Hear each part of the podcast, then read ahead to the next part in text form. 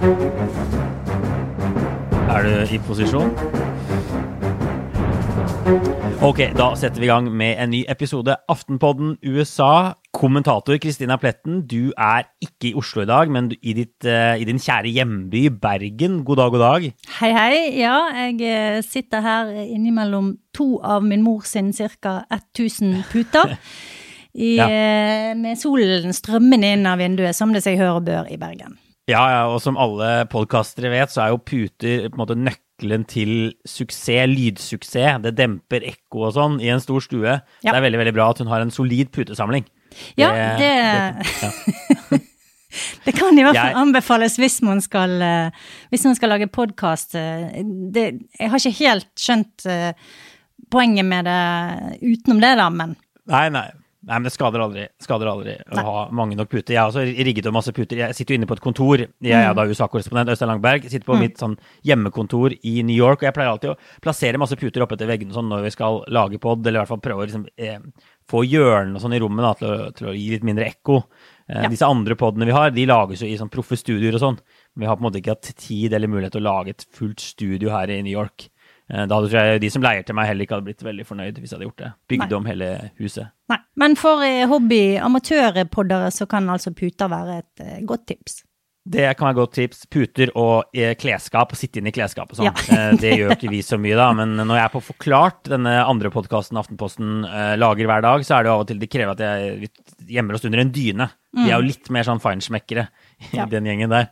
Så, men det, det, gjør ikke vi. Det ville vært forferdelig. Poenget er vel at ikke lyden skal Poenget er vel at ikke lyden skal liksom hoppe av sånne nakne vegger, da. Så derfor sitter ja. jo jeg ofte ja. inne i kleskottet når jeg er eh, hjemme i Oslo. Det er sant. Men bra, Kristina. Eh, vi nærmer oss mellomvalget uke for uke. Jeg har vært på en liten reportasjetur nå, faktisk. Jeg har vært i Arizona, vært på både på, altså på rally, jeg har vært nede på, på, grensa, sett på Trumps grensemur, og vært på mm. loppemarked og snakket med folk om priser som stiger eh, og sånn. Og jeg må bare si eh, at det er en, en drøm at Arizona er blitt en vippestat. Eh, fordi Før var det jo bare sånn at jeg har sagt dette før, før var det jo sånn at du bare måtte reise rundt i Pennsylvania, Ohio, mm. Wisconsin, mm. Michigan, disse statene i Midtvesten. Ganske kaldt og forblåst i oktober og utover i november. Eh, men jeg, vi hadde veldig effektivt opplegg på den turen. Jeg er fotograf eh, Nora, Nora Savosnik, så jeg rakk til og med en sånn kjapp tur med svømming før jeg dro hjem. Altså jeg tok meg en badebukse og tok noen runder i bassenget utendørs eh, på hotellet. Så jeg må bare si altså USA trenger flere vippestater i solbeltet. Det er bare konklusjonen. Hver gang jeg er i Arizona på sånn reportasjetur. Ja, kan, Nå skal vi jo legge til at eh, særlig fordi valget er i november, da, for da er det veldig fint i Arizona. Ja, ja. Hvis, du, hvis ja, valget hadde vært i juli, f.eks., så hadde ikke det vært så fint at eh, Arizona var vippestad. For da er det sånn 200 grader eh, der nede, og du smelter når du går ut. 200 Fahrenheit og celsius. Ja, nei, det er sant. Det er uh, absolutt knall i oktober og november og desember og vin vinterhalvår, egentlig. Uh, men i dag skal vi snakke litt om, om det bl.a. jeg skriver om på den reportasjen. Vi skal snakke om republikanere, om de er i ferd med å feste litt grepet om, om mellomvalget. Det ser i hvert fall lysere ut enn det gjorde for noen uker siden for mm. republikanerne. Vi skal snakke litt om hvilke saker som er vinnersakene til dette partiet og hvorfor demokratene ikke klarer å gjøre noe med dette som har vært liksom det grunnleggende problemet i årevis eh, for det partiet. Og så skal jeg si litt mer om hva jeg opplevde i Arizona, da, og, og kanskje snakke litt om en maga-republikaner med skandinaviske aner, som er i ferd med å få mye oppmerksomhet. Mm -hmm. Men først så tenker jeg å ta bare siden sist, eh, litt kort om andre ting som har skjedd i dette, dette landet. Og jeg, får bare, jeg kan starte, altså, Det har jo vært en høring i denne 6. januar-komiteen. Antageligvis den siste høringen for den komiteen noen gang. Som mm. vanlig så kom det noen nye detaljer. De viste bl.a. klipp av Pelosi og andre kongressledere som ringte og ba om hjelp under stormingen. Følte at man kom veldig veldig tett på. De gikk sin på en måte, seiersgang på nyhetskanalene her borte. Og så kom det noen nye detaljer som pekte i retning av at Trump visste godt at han hadde tapt valget. Han gikk rundt og snakket om at vi hadde tapt, men han kan ikke tape ansikt og den type ting. Men det som gjorde at dette skapte store overskrifter til slutt, var at de vedtok denne komiteen å stevne Trump da, og kreve at han vitner under ed. Eh, som jo var helt klart fra starten av kun symbolsk. Eh, det kan, Trump kommer neppe til å vitne under ed til denne komiteen. Fordi igjen, dette antageligvis var den eh, siste høringen, og denne komiteen antageligvis blir lagt død når republikanerne tar over Kongressen, da i hvert fall Representantenes hus, i januar. Da er det slutt på denne granskningen av 6. Eh, januar. Ja, så har det altså vært en rettssak i Florida det gjelder straffeutmålingen egentlig til mannen bak Parkland-skytingen. Altså en av de største skoleskytingene i USAs historie. Det er jo ganske mange år siden det skjedde, men først mm. nå eh, ble han dømt. Eh, og overraskende for veldig mange så fikk han altså ikke dødsstraff. Han fikk bare livstid i fengsel, bare og bare. Men i Florida så var det, vakte det ganske mye oppsikt og en del harme også Eh, fordi folk var sånn ja, men hvis ikke dette kvalifiserer til dødsstraff, hva gjør det da? Poenget var at eh, i Florida så har de en regel om at alle i juryen må faktisk være enig i at mm. ikke de formildende omstendighetene er nok til at, å oppveie for det som kan eh, gi en dødsstraff. Da. Og nå vet ikke jeg hvor mange, om det var én eller flere av jurymedlemmene som mente dette, men det var i hvert fall én. Og det var nok til at han da ikke får dødsstraff for alle mm. disse mordene som han begikk. Mm. Neste punkt på listen er, er, langt fra Florida, holdt jeg på å si. Det er Elon Musk og Ukraina. Han har jo Altså hans selskap Starlink, en av Musk sine mange bedrifter, har eh, tilbudt ukrainerne sånn satellittforbindelse for å koble seg opp på nettet, og Forsvaret bl.a. i Ukraina har brukt dette her ganske aktivt. Og så har Musk nå i det siste begynt å klage litt på både det ene og det andre skal sies om Ukraina og Ukraina-krigen, men bl.a. det at det koster så mye å, for, for, dette Starlink-selskapet å drifte disse her eh, mottakerne eh, og hele dette systemet da. Og så har det vært litt frem og tilbake om eh, han skulle få penger fra Forsvarsdepartementet eller fra andre deler av den amerikanske staten som skulle sponse ham på dette her, og han har klaget mye offentlig på Twitter og sånn, og fått mye tyn. Eh, men det siste er vel det at han har sagt ok, vi betaler det selv, to hell with it, som han skrev på Twitter.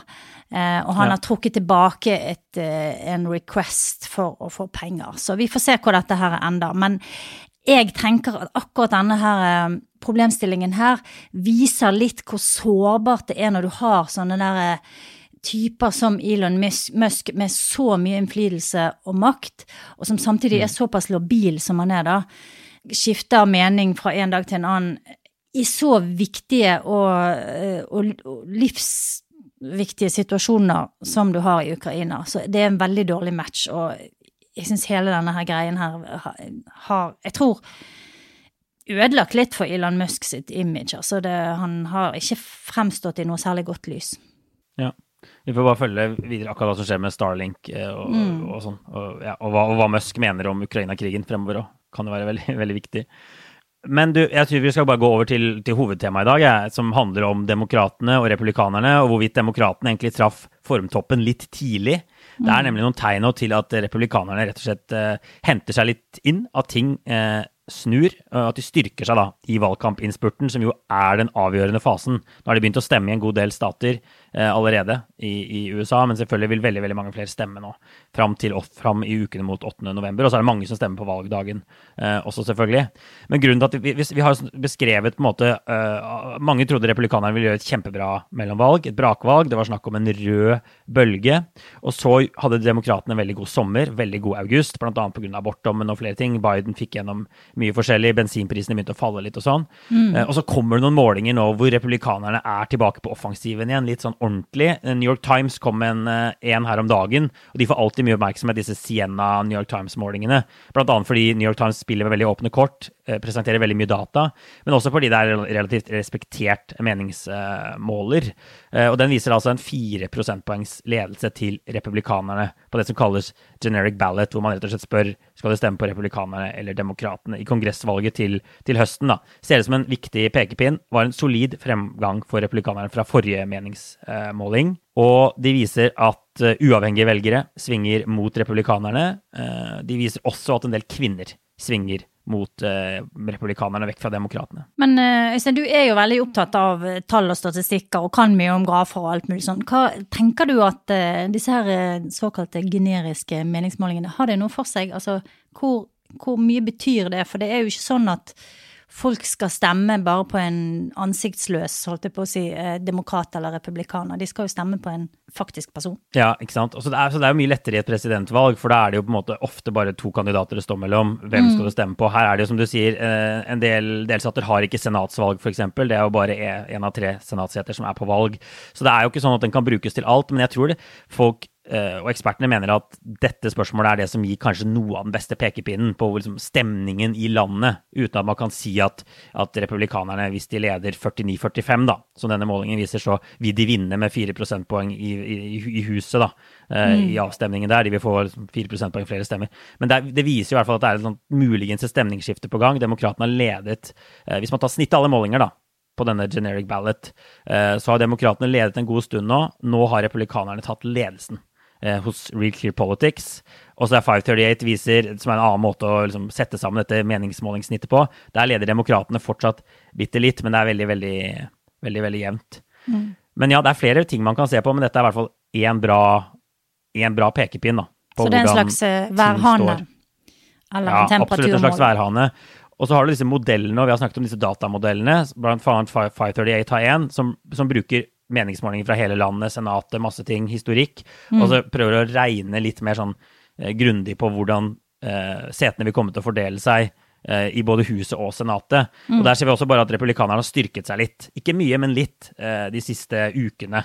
Så nå er det 72% sannsynlighet for at republikanerne tar dette Representantenes hus. Demokratene er fortsatt favoritter til å beholde makten i Senatet, eh, men også der er retningen litt sånn feil. Eh, sannsynligheten for at de klarer det, faller gradvis gradvis eh, nedover. Men vi får bare si altså, hvem som vinner, da, vil jo avhenge av hva som blir temaene i valgkampinnspurten. Og det er det vi skal snakke litt om i, i dag. For egentlig så er jo republikanernes vinneroppskrift ganske enkel sånn i teorien. Det er tre saker hvor de har en sånn veldig stor fordel, hvor velgerne rett og slett bare slakter Joe Bidens innsats, altså tre politiske områder. Eh, vi har snakket om inflasjon, og det handler om innvandring, og det handler om kriminalitet. Det er tre ordentlig svake sider for Joe Biden, eh, hvor inflasjon og økonomi fremstår som det aller, aller svakeste punktet. Der sier 65% av velgerne eh, på snitt av målinger at Biden gjør en dårlig jobb, som er et veldig, veldig, veldig høyt tall. Ja. Uh, og det kom, nye, ja, det kom, nye, tall i forrige uke som viser at inflasjonen fortsatt er høyt. Høyere enn markedene forventet. Jeg tror 8,2% har prisene steget med det siste året. Enda verre, bensinprisen er på vei oppover igjen. De er ikke på nær den toppen som vi så eh, tidligere i år, men de stiger igjen. Jeg var ute og fylte bensin på bilen og kunne se det, merke det. Mm. At, eh, at, de er på vei opp. og Det er jo også noe som påvirker veldig veldig mange amerikanere. Og så er det uro på børsen og sånn. Så økonomien er virkelig tilbake i nyhetsbildet, som er ordentlig dårlige nyheter for demokratene. Og jeg tror vi har snakket om dette her nå i hvert fall i et år, eh, med veldig ja. jevne mellomrom, at Biden må få kontroll på inflasjonen. For hvis ikke så er det en utrolig stor svakhet for han inn i dette valget her. Og så har mm. det liksom sett ut av og til som det skulle gå litt i riktig retning, da, men de har ikke fått skikkelig bukt med den prisstigningen, og nå viser tallene at uh, det er i hvert fall ikke på vei nedover, det har kanskje stabilisert seg litt, men det er ikke nok, ikke sant? Og eh, Biden og regjeringen hans har heller ikke vært tydelig nok på at det faktisk skjer, og at det faktisk er et problem. Veldig lenge så avfeide de det som litt sånn nei, dette her er bare midlertidig, det går vekk. Eh, finansminister Janet Yellen eh, var veldig klar på at dette var en midlertidig trend. Eh, og dermed så kom de litt for seint i gang med, med, tiltak. Og dette her er ikke bare et problem for USA lenger, det er et problem for hele verden. Og det at USA har så høy inflasjon, påvirker også resten av verden, for det trekker opp dollaren, blant annet, og det gjør at veldig mye ting blir dyrere. Um, ja. Sånn at det får veldig store ringvirkninger, da. Så det er et kjempeproblem for regjeringen, og noe de burde kanskje ha satt inn mer kluter på å få, å få gjort noe med, da. En av problemene, dilemmaene for Biden, er jo at han har fått, hatt et veldig trøkk fra sitt eget parti på å bruke masse penger. Sant? Få gjennom kjempestore pakker som skulle gi penger til både det ene og det andre, klima og infrastruktur. Mm. Og så har han fått det igjennom, og det har vi snakket om det på en måte vinnersaker for Biden. Men det har jo sannsynligvis også bidratt til at det er vanskeligere for eh, regjeringen å hente inn prisveksten fordi at de ikke har kuttet nok i staten sine utgifter. Og dermed mm. så eh, forventer både markedene og andre at prisene vil fortsette å stige. Så det er nok en følelse av, og det er også den følelsen jeg får når jeg snakket med velgere i Arizona, at, at måte, ting går ikke i riktig retning. Det er ingen følelse at inflasjonen vil gi seg raskt. Det er liksom ur, urolig over hele fjøla. Folk merker også at rentene er på vei opp ganske kraftig. Mm. De begynner å bite i folks økonomi litt rundt omkring. Nå er det mange mer flere amerikanere enn nordmenn som har fastrentelån og sånn, da. Så det, det, biter ikke like raskt. Men selvfølgelig noe også, også mange, mange, merker. Og de er veldig opptatt av dette, ikke sant. Eh, demokratene hadde jo denne abortdommen eh, fra i sommer som gjorde at abort var det store temaet gjennom sommeren og høsten, tidlig, tidlig på høsten. Eh, hvor altså ikke sant, Høyesterett eh, fjernet den føderale retten til selvbestemt abort. Havnet litt i bakgrunnen nå. Eh, og jeg snakker med velgere som synes det er skammelig med den abortdommen, men likevel sier de min økonomi er det viktigste for meg. Og jeg synes Biden har sku, jeg er skuffa over Biden. Mm. Uh, han gjør ikke en god nok jobb, og da er det litt sånn Jeg tror ikke jeg gidder å stemme i mellomvalget. Det er ikke sikkert de skulle gjort det uansett, men de stemte på Biden sist. Det er litt sånn symptomatisk. Når jeg snakker med folk på, sånn, på loppemarked, f.eks., og de drar til dette loppemarkedet fordi de sier selv Walmart har blitt for dyrt. Alle kan fortelle historier om enkeltvaregrupper som har steget masse, og som de merker på kroppen. Og jeg må jo si, når jeg reiste rundt også i Europa som journalist, så var det sånn velgerne klaget alltid over at prisene steg. Jeg husker i Frankrike òg. Selv i perioder hvor det ikke var så mye inflasjon, så synes de prisene går opp og ting blir dyrt, og at de ikke får noe ut av kjøpekraften. Når du nå i tillegg faktisk har en veldig høy inflasjon, som du kan bevise med statistikk og den type ting, så blir det på en måte enda mye verre. Ja, og så har det jo eh, vært sånn at lønningene har steget en del, men ikke nok ja. til at det egentlig har tatt igjen prisveksten, da. Og det skulle jo Nei. litt til at folk skulle ha en lønnsvekst på 8% Men allikevel, ja. folk har hatt en betydelig lønnsvekst, så hvis de hadde klart å få uh, inflasjonen ned, så kunne det vært en, et slags pluss-game uh, for Biden, da. Men de har som sagt ikke gjort nok. Og det er, uh, det er Dette her er jo liksom valg 101. Det er, det er helt grunnleggende at hvis, hvis du ikke klarer å få økonomien til folk til å gå opp, så spiller det mm. ingen rolle hvor mange andre ting du eh, er god på. Altså dette er, og særlig for demokratene, dette er noe som de bare er nødt til å, til å ha kontroll på. Helt klart. helt klart. Så, så, så det at prisene måte, i hvert fall ikke faller så raskt som Biden vil, og at bensinprisen er på vei opp igjen, og sånn, det er jo egentlig veldig bra i hermetegn for republikanerne i valgkampinnspurten. At de kan vise til at nå stiger bensinprisen igjen, og det er noe som rimer med folk, da. Eh, for nå har de jo som sagt falt en stund. Men, men det er inflasjon. Eh, kanskje det aller svakeste punktet. Verste saken. Vi ser veldig mange velgere sier at det er den viktigste saken i valget for meg også. Det bekrefter New York Times-målingen. Stort, stort flertall som sier det. Men det er også andre saker som vi ser republikanerne fokusere på, med litt suksess, og blant annet kriminalitet. Eh, og der sier 55% at Biden gjør en dårlig jobb på snittet av målingene hos dette Realty Politics-nettstedet. Og de bruker de på en måte effektivt flere steder mot demokratene. Vi har jo snakket om en del sånn delstater hvor disse senatsvalgene er veldig viktige. Kampen om senatet er det måte, mm. som er mest åpent nå.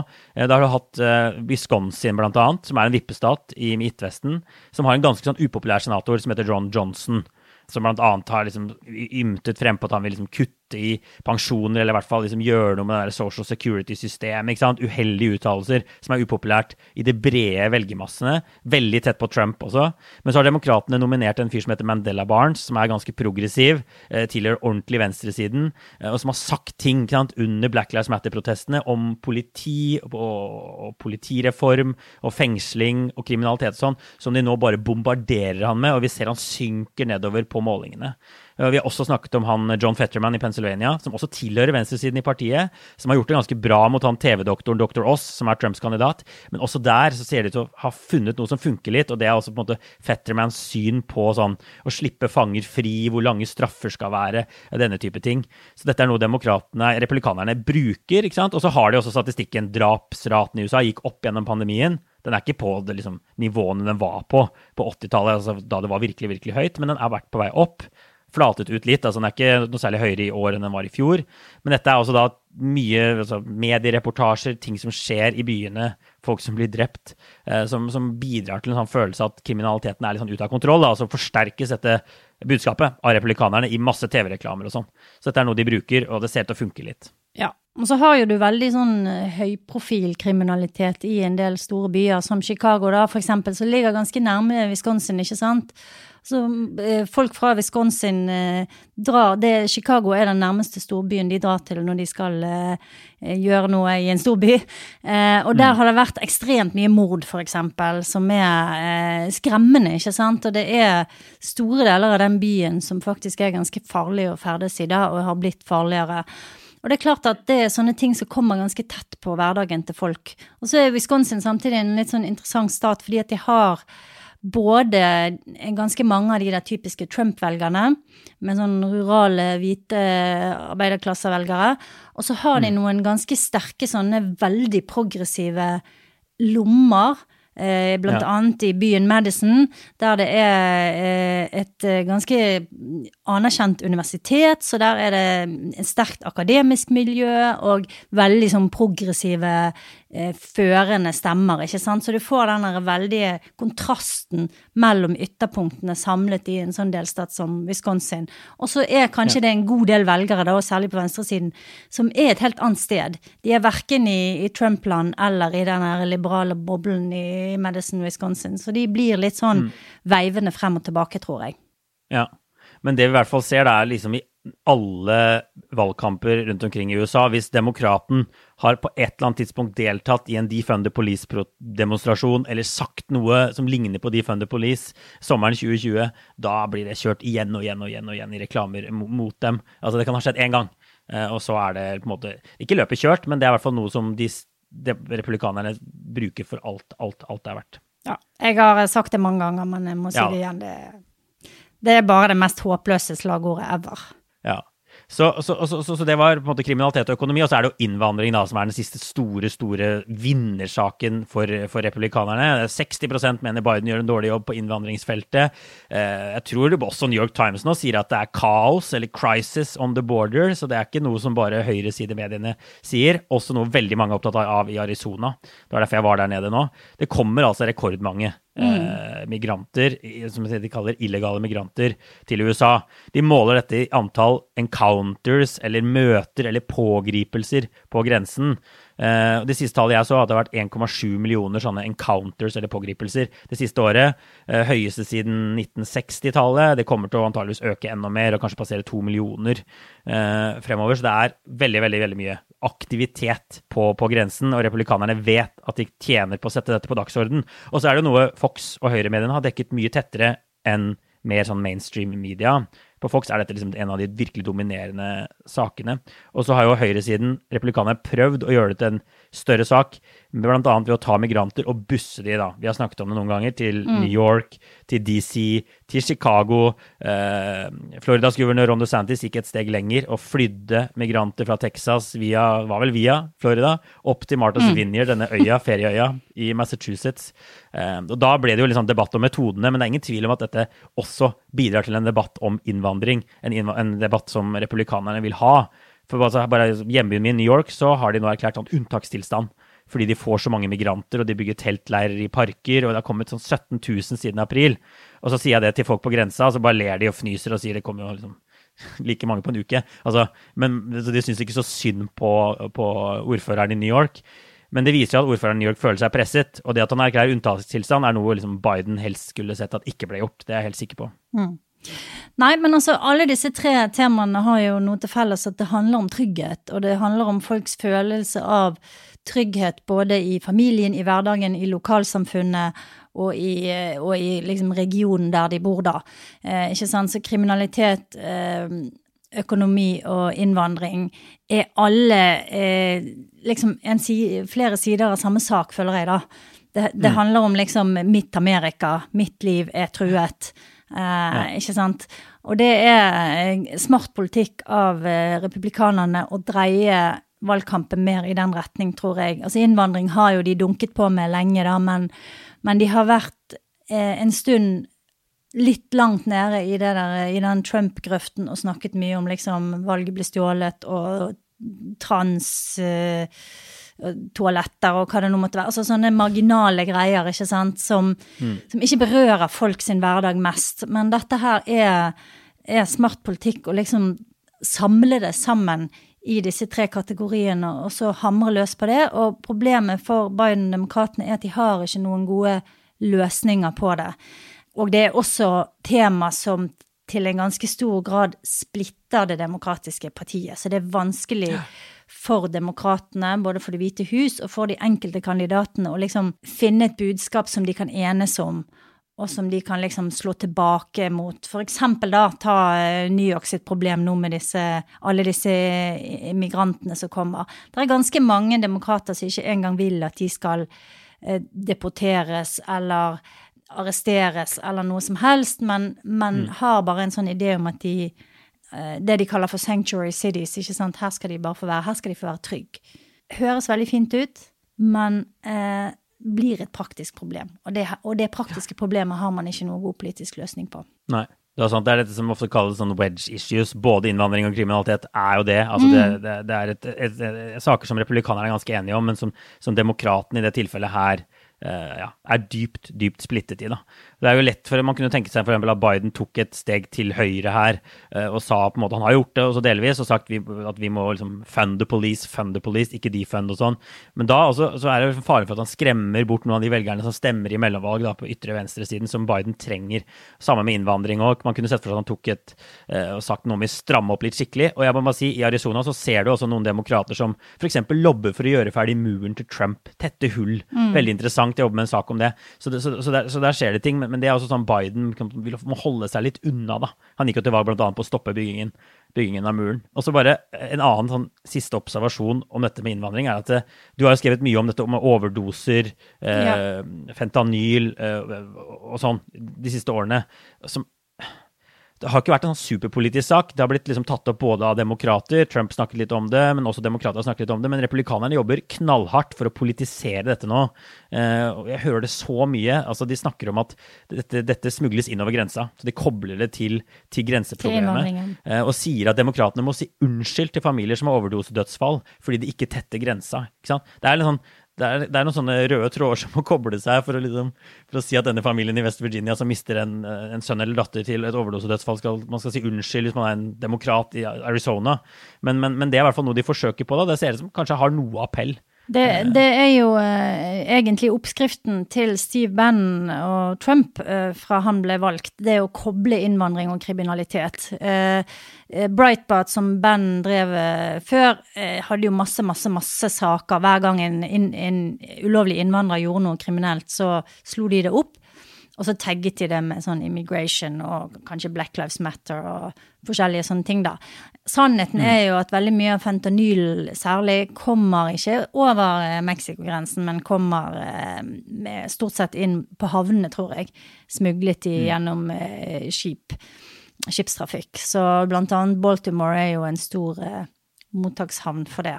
Men det er klart at det, det blir litt sånn OK nå kommer jeg med nyanser, men i en, i en, valgkamp så er det nok ganske så effektivt det der å, å koble den tragedien som folk ser på nært hold i sine lokalsamfunn, med innvandring, da. Det er, ja. det er sprengkraft i det, altså. Jeg tror det er veldig, Hvis de først klarer å politisere dette skikkelig, og gjøre mm. det til liksom en republikansk mot demokratisk sak som vi ikke har klart ennå, så er det Men det er, så, det, er, det er, nyanser, som du sier. Det er jo, de fokuserer veldig på liksom, tilbudet av disse pillene. Eh, men det er jo også en etterspørsel der ute som noen vil si skyldes ikke sant, lokalsamfunn som går i oppløsning. Alle disse liksom, økonomiske faktorene som gjør at så, så, så, det forsvinner jo helt fra den. De, de sier bare liksom hvis du får tak i en pille, så kommer du til å ta den og dø. Men det er jo en grunn til at folk tar disse pillene òg. Ja, og det er, jo en lang historie over 20 år, ikke sant. Ja, og mange presidenter som, som, eh, har svim på skogen når det gjelder denne her eh, store narkoepidemien, da. Men fentanylen er jo bare en liten del av det. Sant? Det har veldig mye av det. Det begynte jo med, med piller på resept, og så har fentanylen kommet etter hvert. Som man for øvrig både på, får på resept og kjøper på, på det svarte markedet og på narkomarkedet. Ja. På gata. Jeg føler at vi må komme tilbake og snakke mer om det her også ja. på et tidspunkt. Lage mm. noen episoder om det. Det er bare superinteressant. Ja. Men Kristina, som sagt har jeg vært på en tur nå altså til Arizona de siste dagene. Og målet der var bl.a. å skrive om demokratenes mangeårige problem, som vi får si har vært ganske bra belyst av mange, særlig etter at Trump valgt, vant valget. Altså, de har veldig god støtte blant uh, folk med høyere utdanning, særlig hvite med sånn collegeutdanning men store problemer i en del andre demografiske grupper. Og vi har jo, vi har jo skrevet masse om hvite uten college, altså det som gjerne kalles den hvite arbeiderklassen, som Trump festet et, eh, et skikkelig grep om i 2016, og fortsatt hadde i 2020. Men en grunn til at Trump holdt stand i 2020 da, og ikke tapte så mye mot Biden som meningsmålingene viste, var at han gjorde overraskende bra også blant det som kalles latinoer, eller hispanics, altså folk med en spansk, eh, spanskættede, kan man f.eks. oversette det med uten at det finnes veldig gode oversettelser av dette til norsk. Så Derfor kaller vi det bare latinoer i dag, tror jeg. Mm. Um, Trump gjorde faktisk en av de aller beste valgene i nyere tid blant, uh, blant latinoer. Og nå ser vi også noen tegn til at, uh, at uh, demokratene sliter litt blant svarte menn. Altså da også særlig uten høyere utdanning. Så det har kommet noen målinger nå som viser at demokratene gjør det fryktelig dårlig blant latinoer. Og så har det kommet noen målinger som viser at de gjør det helt greit. Det er i hvert fall ingenting som tyder på at de f.eks. har løst problemet da, med at de sliter litt i den gruppen. Altså, bakgrunnen her er jo at, at man så jo for seg at demokratenes fremtidige koalisjon skulle være hvite med høy utdanning, og så minoritetsgrupper. Det skulle løfte demokratene i et, et, USA i rask endring. altså Latinoer er jo den raskest voksende gruppen i USA. Det skulle løfte demokratene og sikre de nærmest sånn konstant flertall eh, inn i fremtiden. Og Det skjer, ser vi jo at ikke skjer, og at republikanerne gjør det bedre i minoritetsgrupper da, enn man, eh, enn man har antatt. Og særlig minoriteter som, har, som er arbeiderklasse. Arbeiderklasseminoritetsgrupper. Ja. Og det er nå, bare, bare, for å ta det, det ser ut til å bli ganske alvorlig for demokratene. Det kan koste de dyrt både i Arizona og nabostaten Nevada. Og særlig Nevada har demokratene hatt ganske godt grep om i senere tid. De har på en måte guvernører, de har senatorer der. Nå kan, det, nå kan dette ryke. Det er jo interessant da at etter Black Lives Matter, som egentlig handlet om, spesielt om svarte menn, så har eh, demokratene bare mistet flere og flere og flere svarte menn. Det sier litt om at uh, det, den logikken som demokratene bruker, ikke alltid stemmer overens med virkeligheten. Det samme gjelder egentlig uh, latinoer og innvandring. Man har også tatt for gitt at det at demokratene har det standpunktet de har på innvandring, vil gjøre at uh, mange latinoer vil stemme demokratisk. Det ser heller mm. ikke ut til å stemme. Så eh, her er en Nei. eller annen eh, logisk brist, eller hva jeg skal kalle det, for demokratene, som de kanskje burde se litt nærmere på. Absolutt. Det er gøy når jeg reiser inn til grenseområdene der. Der er jo veldig Man kommer jo egentlig til kort med engelsk veldig ofte. og Jeg burde vært bedre i spansk, men jeg er det ikke. Men mange av de jeg kommer i, i snakk med, som er latinoer, som gjerne hadde foreldre som kom til landet. Noen av de kom ikke på den lovlige måten, de kom illegalt, og så begynte de å jobbe der og sånn. De er fortsatt for muren, f.eks. Mm. Uh, de har ikke så negativt uh, syn på Trump. og de en fyr som heter Rui Tisheira, som har en veldig sånn interessant amerikansk statsvirker, som har, statsviter, som har en interessant blogg på dette som heter Substack. Han skriver om, delen, om dette. Og for eksempel forskjellen på progressive demokrater, det vi gjerne kaller liksom den demokratiske basen, de som preger også det som er aktivister, også rådgiver i Det hvite hus og rådgiver for demokrater og sånn, de har veldig ulike holdninger til mange spørsmål enn minoritetsgrupper. Minoritetsgrupper er mer, vesentlig mer konservative og mm. opptatt av litt andre ting. Han mener at latinoer for eksempel, er mye mer opptatt av lommeboka, inflasjon og sånn, enn de er av 6. januar og abort og mange av disse litt andre typer sakene som den aktivistbasen er veldig opptatt av. Uh, og han viser fram noen sånne meningsmålinger uh, fra jeg tror det var Echelon Insights som sier at de er eksempel uh, altså den progressive hvite basen langt mer tilbøyelig til å si at rasisme er et strukturelt problem i samfunnet, fremfor at det har noe som har med individer å gjøre. Eh, latinoer mener mye, mye større grad at det har med, med individer å gjøre. Latinoer er mer konservative i spørsmål om illegal innvandring mm. enn denne progressive basen. Og så er de mye mer sånn tilbøyelige til å si at de er stolte av USA. Altså 28% av det de kaller liksom sterke progressive, mener altså at USA er verdens beste land. Eh, bare 28% men 70% av latinoer sier det samme. Viser han der til Skeira til. Så han mener at noe av problemet ligger her, da. At de som styrer partiet, ikke forstår hvordan noen av disse minoritetsgruppene tenker. Og han har nok et poeng, og det ser ikke ut som de klarer å gjøre noe med det. Demokratene. Det ser vel ut som utdanning blir en viktigere og viktigere skillelinje mellom mm. høyre og venstre, og at, at, det er en sånn stor sånn um, realignment, hva heter det på norsk? Uh, altså omstilling av uh, hele det politiske spekteret. Vi ser jo noe av det samme i Europa. Um, mm. De samme tendensene. Uh, du har, vi, som vi har snakket om mange ganger, rural, urban. men mm. det handler jo òg litt om utdanning, ikke sant. Der er jo unge folk som kanskje er vokst opp på bygda, flytter til storbyen, får seg utdanning, blir værende der, og da eh, skifter politisk identitet.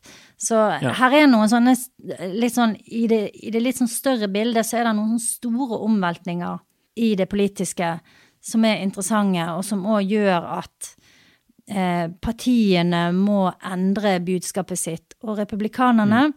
har jo vært eh, veldig flinke på det, egentlig, på å, på å omstille seg fra kanskje mer bemidlede mennesker, og fra å være liksom eh, eh, storindustriens parti til å bli den lille manns, den lille arbeidende manns og kvinnes parti.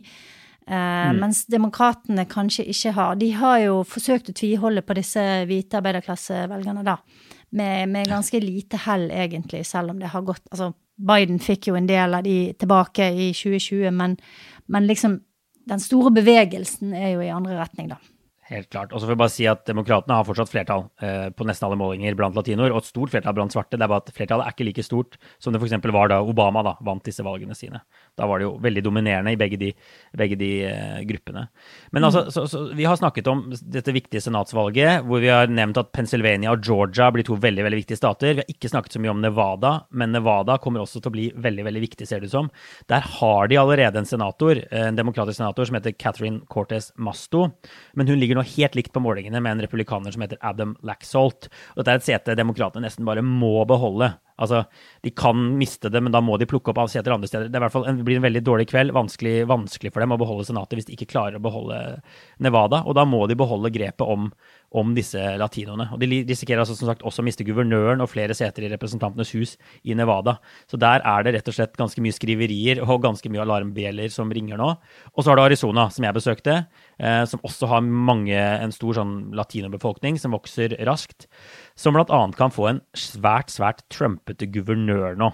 Eh, mm. Så jeg var også på en sånt uh, politisk møte, flere politiske møter faktisk, med en, en, dame som heter Carrie Lake, eller på norsk så ville kanskje kalt henne for Kari Lake. Kari Lake. Um, Kari Lake. Eh, Kari, altså K-A-R-I staverhunde. Veldig sånn norsk stavemåte. Og jeg har forsøkt å ta kontakt med valgkampen og spørre er dette norsk. Um, og, de har ikke fått svart nå, men jeg snakket med en sånn valgkampsjef da jeg var nede i Arizona nå. Han sa det hvert fall er, hun i hvert fall er sånn skandinavisk ættet. Så det er helt sikkert skandinaviske grunner til at hun heter Kari. Og han trodde norsk, men han kunne ikke si det helt sikkert. Men dette er altså en, en norsk eh, maga, karismatisk magadame som fort vekk er guvernør i Arizona etter valget. Det er i hvert fall veldig veldig jevnt på meningsmålingene, meningsmålingene der nå. Hun er i ferd med å bli sånn superstjerne, rett og mm. slett, på, på høyresiden. Um, hun, jeg var på, på, dette folkemøtet jeg var på, så er hun, hun er liksom påfallende sånn energisk, ekstremt karismatisk og veldig sånn kjapp og sånn småfrekk i, i uh, replikkene. Uh, hun langer jo ut mot mainstream media og den type ting, men hun kan også være som en sånn veldig moderlig Eh, med den forsamlingen jeg var i, så snakket hun masse om liksom småbarna som var på en måte skuldrene rundt omkring i salen.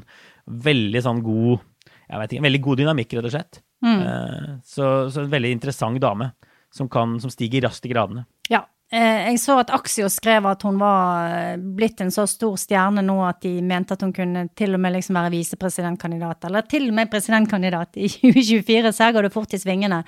Men hun er ja. jo eh, en gammel TV-stjerne, nyhetsanker, fra sånn ja. lokal Fox-stasjon i Arizona, og har vel liksom all den erfaringen da som du får med å være på TV, med å ikke sant, sitte sånn og, og nyhetsankerne i Særlig på de der lokale stasjonene, de har mye mer sånn småprat, og de er mye sånn kjappere i replikken kanskje enn det vi er vant til ja. fra norske nyhetsopplesere, da. Så ja. det er jo en, sikkert den beste treningen du kan få nå, som eh, liksom det der eh, å lage sånne små soundbites og virale videoer og alt det der er så mye viktigere i valgkampen enn å skulle holde en en times lang tale. Altså, ba, du skal ja. bare tilbake til 2008, til Obama. ikke sant? Der var jo det eh, hans talegaver som veldig mye løftet han opp, da. Og det er nå da 14 år siden da fantes vel knapt eh, Twitter, og Facebook var vel ikke født engang. Eh, men jeg har tenkt på det at det ville jo liksom ikke Kanskje ikke gått så bra nå, da? For nå gidder jo ingen å sitte og høre på en én timers tale. Nå skal du liksom ha en maks et minutt på, mm. på, Twitter, eller jeg vet ikke hvor mye det er på TikTok, jeg 15 sekunder, liksom. Du skal, altså Ting ja. går mye fortere, og da er Carrie Lake hun er et, eh, en type for eh, den nye typen politikk, da. En, eh, et talent for det. Hun har en veldig bra historie. altså Hun slutta jo nærmest på direkten, i hvert fall veldig brått, i, i dette TV-studioet etter valget i 2020. Og så tok hun et oppgjør med mediene som jeg mener var blitt altfor venstrevridde. ikke sant? Mm. Helt etter boka. Og så stiller hun da som politiker etter det, eh, og blir en sånn ordentlig sånn stjerne på, på ytre høyre. Hun var på denne CPAC, konservative konferansen, hvor jeg var eh, i Florida tidligere i år. Og hun, politiker lagde en interessant sak om henne. Hun driver litt sånn annen type valgkamp. Lite pengebruk på TV-reklamer, i hvert fall til nå. Men hun har masse masse sånne rallies, og så lager de sånne små klipp. Hun har alltid mikrofon på seg, så driver mannen av og filmer henne, en skjeggete fyr. Og så går, lager sånne klipp som går viralt, hvor hun konfronterer journalister eller, eller snakker med velgere. Alt mulig sånne ting. Altså, veldig til stede i sosiale, sosiale medier. Men dette er jo liksom Hun er all in på Make America Great Again og, og MAGA. Uh, og det er det som bekymrer ganske mange med Carrie Lake. Hun mener fortsatt at Trump vant Arizona i, i, i, 2020, selv om de har telt og telt og talt og talt og hatt så mye gjennomganger av de der valgstemmene. Hun sier at hun vil desertifisere resultater fra 2020. Så det vel, betyr vel at hun vil liksom gjeninnsette Trump. da. Hun har antydet at motstanderen hennes, eh, som liksom var med på å godkjenne valget i 2020 i Arizona, bør i fengsel. Så vi ser jo ganske mye av denne Trump playbooken som hun, eh, som hun, bruker. Og folk er redde for Hun var på et eh, intervju med CNN i helgen og ville ikke svare på om hun ville erkjenne et valgnederlag nå i Arizona 8.11., eh, hvis hun faktisk tapte mm. og ikke ble guvernør. Så mange er veldig bekymra for at hun vil sitte med en nøkkel da, i en viktig vippestat i 2024 i presidentvalget, og hva som vil, hva som vil skje da. Mm. Det er jo åpenbart at eh, maga-politikken, altså trumpismen, er stadig under utvikling. Eh, det dukker opp nye mennesker, de tar med seg det tankegodset, de tar med seg liksom kjernen i det, og så utvikler de det videre på forskjellige måter. Med liksom en sånn jevn kontakt med moderskipet i, i, Florida. Det er veldig interessant, altså. Og det er mm. um, Washington Post hadde en, en superinteressant artikkel denne uken om hvordan dette her er blitt et globalt fenomen. Det er, det er ikke lenger um, på en måte bare individuelle politikere som suger fra eget bryst. Det er en, eh, en slags kontinuerlig utvikling av en, eh, av en sånn ny type eh, filosofi som er både autoritær og eh, ganske høyreradikal, men også populistisk. Så mm. treffer en, en nerve. Er, vi kan legge ut en lenke til den. Det, det, er veldig interessant å se på. Jeg tenker hun Carrie Lake er et godt eksempel på en som, som liksom har har, har funnet en vinnerformel, da. Men, men, lager den til sin egen greie, ikke sant. Ja, veldig. Og så får vi bare si at hun, hun nevnte ikke valgjuks en eneste gang da jeg hørte på henne i Arizona nå. Så det ser ut som hun har prøvd å bevege seg litt vekk fra det. Og vi har sett noen andre også gjøre det, og dette valget i 2020. Og det er sikkert smart, for det er sikkert ganske mange som i hvert fall velger i midten som bare er lei av å høre om det valget i 2020. Det begynner å bli lenge siden. Hun snakker om måte, andre ting på disse flyerne jeg fikk òg, disse løpesedlene. Da snakker hun om yrkesfag i skolen, grensen, inflasjon, den type ting. Som sikkert er liksom fornuftig, som kan fremstå som litt mer moderat. Uh, i sånne spørsmål. da. Men altså, det er dødt løp på målingene mellom henne og demokraten Katie Hobbs, som da prøver å utfordre henne. Og så virker det som demokratene skyter seg selv skikkelig i foten her, bl.a. fordi Katie Hobbs ikke vil stille i debatt mot Carrie Lake, fordi hun sier eh, hun er for konspiratorisk og for ekstrem, slik jeg forstår argumentasjonen der. Og bryter da en sånn lang historikk, og det er noe Carrie Lake snakker om på Twitter hele tiden, at denne debatten ikke finner sted. Så det virker veldig defensivt. At det er noe demokrater har gjort flere steder i år. Eh, virker som de vil unngå debatt Veldig pussig. Og får mye kritikk fra egne, egne, også for det. Ja, men det er ikke helt riktig heller. For disse republikanerne har også stilt en del krav om hvordan disse debattene skal foregå, og hva formatet skal være, som er annerledes enn sånn som det har vært før. Og så når, mm. når demokratene ikke har gått med på deres premisser, på en måte, så kan de gå ut og si ja, du vil ikke debattere meg, men men det er jo også riktig at eh, disse republikanerne, og særlig disse MAGA-republikanerne, har nektet en god del av de å stille i sånne tradisjonelle debattformater, da. Så, mm. så det, det, er en litt sånn sleip måte å gjøre det på fra disse republikanerne sin side. Men det er kanskje effektivt, ja, det òg. Ja, og det er noen ganger litt vanskelig å si hva som foregår i kulissene, og hvem som vil og hvem som ikke vil her, men det er i hvert fall et viktig sånn angrepsmetode på at hun Hobbs ikke vil stille, og det virker som liksom, det fungerer litt, da, i hvert fall hvis man får, klarer å fremstille det sånn i det tilfellet, i det tilfellet her. Mm. Ja, men du, bra. Jeg tror vi må sette strek der, eh, Kristina. Så får vi bare komme tilbake til noen av de andre spennende valgene i ukene fremover. Men først til slutt så har vi jo en liten runde med obligatorisk refleksjon, så jeg lurer på hva du har tenkt på siden forrige uke. Jeg har tenkt på Ron DeSantis sine hvite, knehøye støvler.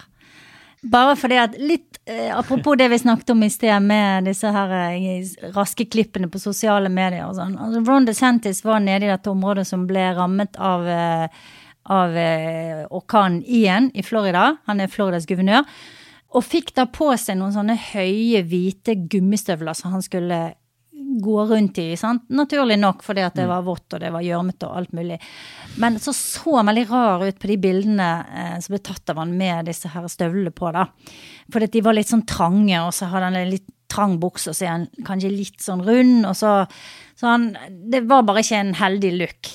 Uh, og det har han fått så utrolig mye tyn for, og folk har laget all slags ikke sant, sånne der kollasjer og uh, ting og tang på, på, Twitter og andre steder, og, og gjort narr av han og sammenlignet han med sånn Dallas Cowboys cheerleaders som også har sånne høye, hvite cowboystøvletter. Og det Mye av det har vært veldig morsomt, men, men det sier litt om hvor, hvor lite som skal til, da. Hvor, hvor lite feilsteg eh, som skal til før du liksom virkelig Det der kan sette seg og, og bli et slags sånn problem for han hvis det der bildet bare surrer og går. Ikke at han taper valget på det, men eh, det har tatt litt av, altså.